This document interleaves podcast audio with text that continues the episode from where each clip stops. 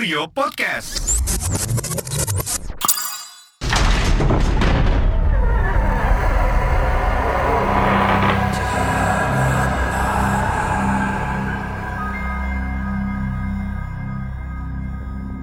Hai, nama saya Apu. Saya mau berbagi cerita horor dan terhoror sepanjang hidup saya. Saya bekerja di Jakarta, namun saat itu saya masih tinggal di Bandung. Paling tidak dua minggu sekali saya pulang. Pada suatu hari, saya memutuskan untuk pulang ke Bandung. Sesampainya pun di rumah, dibukakan pintu oleh bapak saya, bertegur sapa, bercerita-cerita sesaat, sampai pada akhirnya kami kembali berkegiatan masing-masing. Ayah saya kembali menonton TV, saya bersih-bersih, dan kemudian makan. Saat itu, kira-kira pukul 10 malam, belum terlalu larut. Saat saya sedang makan, bel rumah kami berbunyi.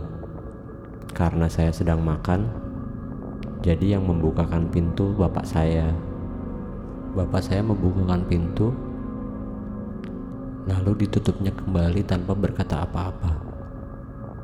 Lalu saya tanya pada bapak saya, "Pak, siapa yang bel?" Bapak saya tidak langsung menjawab. Mungkin dia tidak mendengar saya bertanya karena sedang menonton TV dengan volume yang lumayan keras. Saya mencoba bertanya kembali dengan suara yang lebih keras agar terdengar. Pak, tadi siapa yang bel? Kali ini dia menjawab, cuman hanya satu kata. Biasa. Saya semakin heran. Apanya yang biasa? Bel berbunyi, dibukakan pintu, lalu ditutupnya kembali. Ah, sudahlah. Saya juga tidak ambil pusing. Saya lanjutkan kembali makan saya. Hmm, saya belum selesai makan. Bapak saya pamit untuk masuk kamar dan tidur duluan. Saya melanjutkan makan sendirian. Tentunya ditemani TV yang masih menyala. Setelah selesai makan, saya tidak bergegas membersihkan mangkok kotor bekas makanan saya. Saya bersantai sejenak di sofa sambil menonton TV.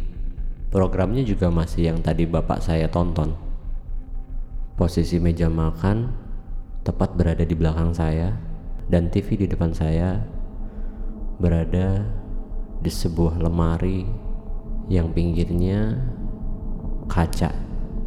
Kaca itu merefleksikan apa yang berada di depannya, termasuk mangkuk yang berada di atas meja di belakang saya. Selagi saya menonton TV, saya tidak menyadari ada hal yang aneh. Namun di ujung mata saya tercerminkan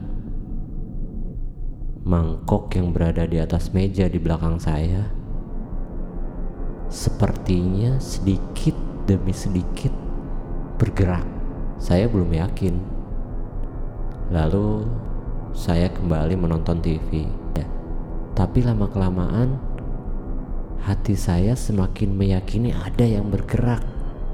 Saya melihat refleksi mangkuk di kaca lemari beneran bergerak. Sontak saya melihat ke belakang, tapi tidak ada pergerakan. Sudahlah. Malam semakin larut, akhirnya saya pun mengantuk dan saya ketiduran di sofa. Saya terbangun sudah lewat jam satu malam, lalu saya memutuskan untuk pindah ke kamar. Kalau boleh saya gambarkan, kasur menempel ke tembok, tepat di seberang sisi kasur terdapat lemari baju besar dengan cermin di pintunya. Pada saat itu saya tidak memikirkan posisi tidur saya karena saya sudah terlampau mengantuk. Tiba-tiba terdengar suara gesekan seperti menggaruk-garuk tepat berada di kepala saya. Posisinya mungkin datang dari headboard kasur saya. Untuk mengalihkan pikiran saya, saya berusaha menyibukkan diri dengan main handphone. sambil tiduran menghadap ke cermin yang ada di lemari saya. Sesekali saya melirik ke cermin, dilirikan kesekian, ada yang aneh di cermin itu. Tapi saya tidak berani melirik cermin itu. Saya langsung menutupi badan sampai kepala saya menggunakan selimut. Sambil saya gemetar ketakutan. Tapi saya penasaran. Saya memberanikan diri untuk membuka selimut saya dan melihat cermin itu. Ternyata tidak ada apa-apa di cermin. Mungkin hanya halusinasi saya saja. Tapi tunggu. Di ujung mata ada bayangan tinggi besar sedang berdiri di atas headboard kasur saya. Tidak sampai dua detik langsung saya turun dari kasur saya, kemudian lari keluar dari kamar dan saya menggedor kamar bapak saya. Setelah dibukakan pintu, Lalu saya ceritakan semuanya. Sejak itu, untuk beberapa bulan ke depan, saya tidak berani tidur di kamar itu sepulang saya dari Jakarta. Saya selalu tidur di sofa dengan keadaan lampu dan TV menyala.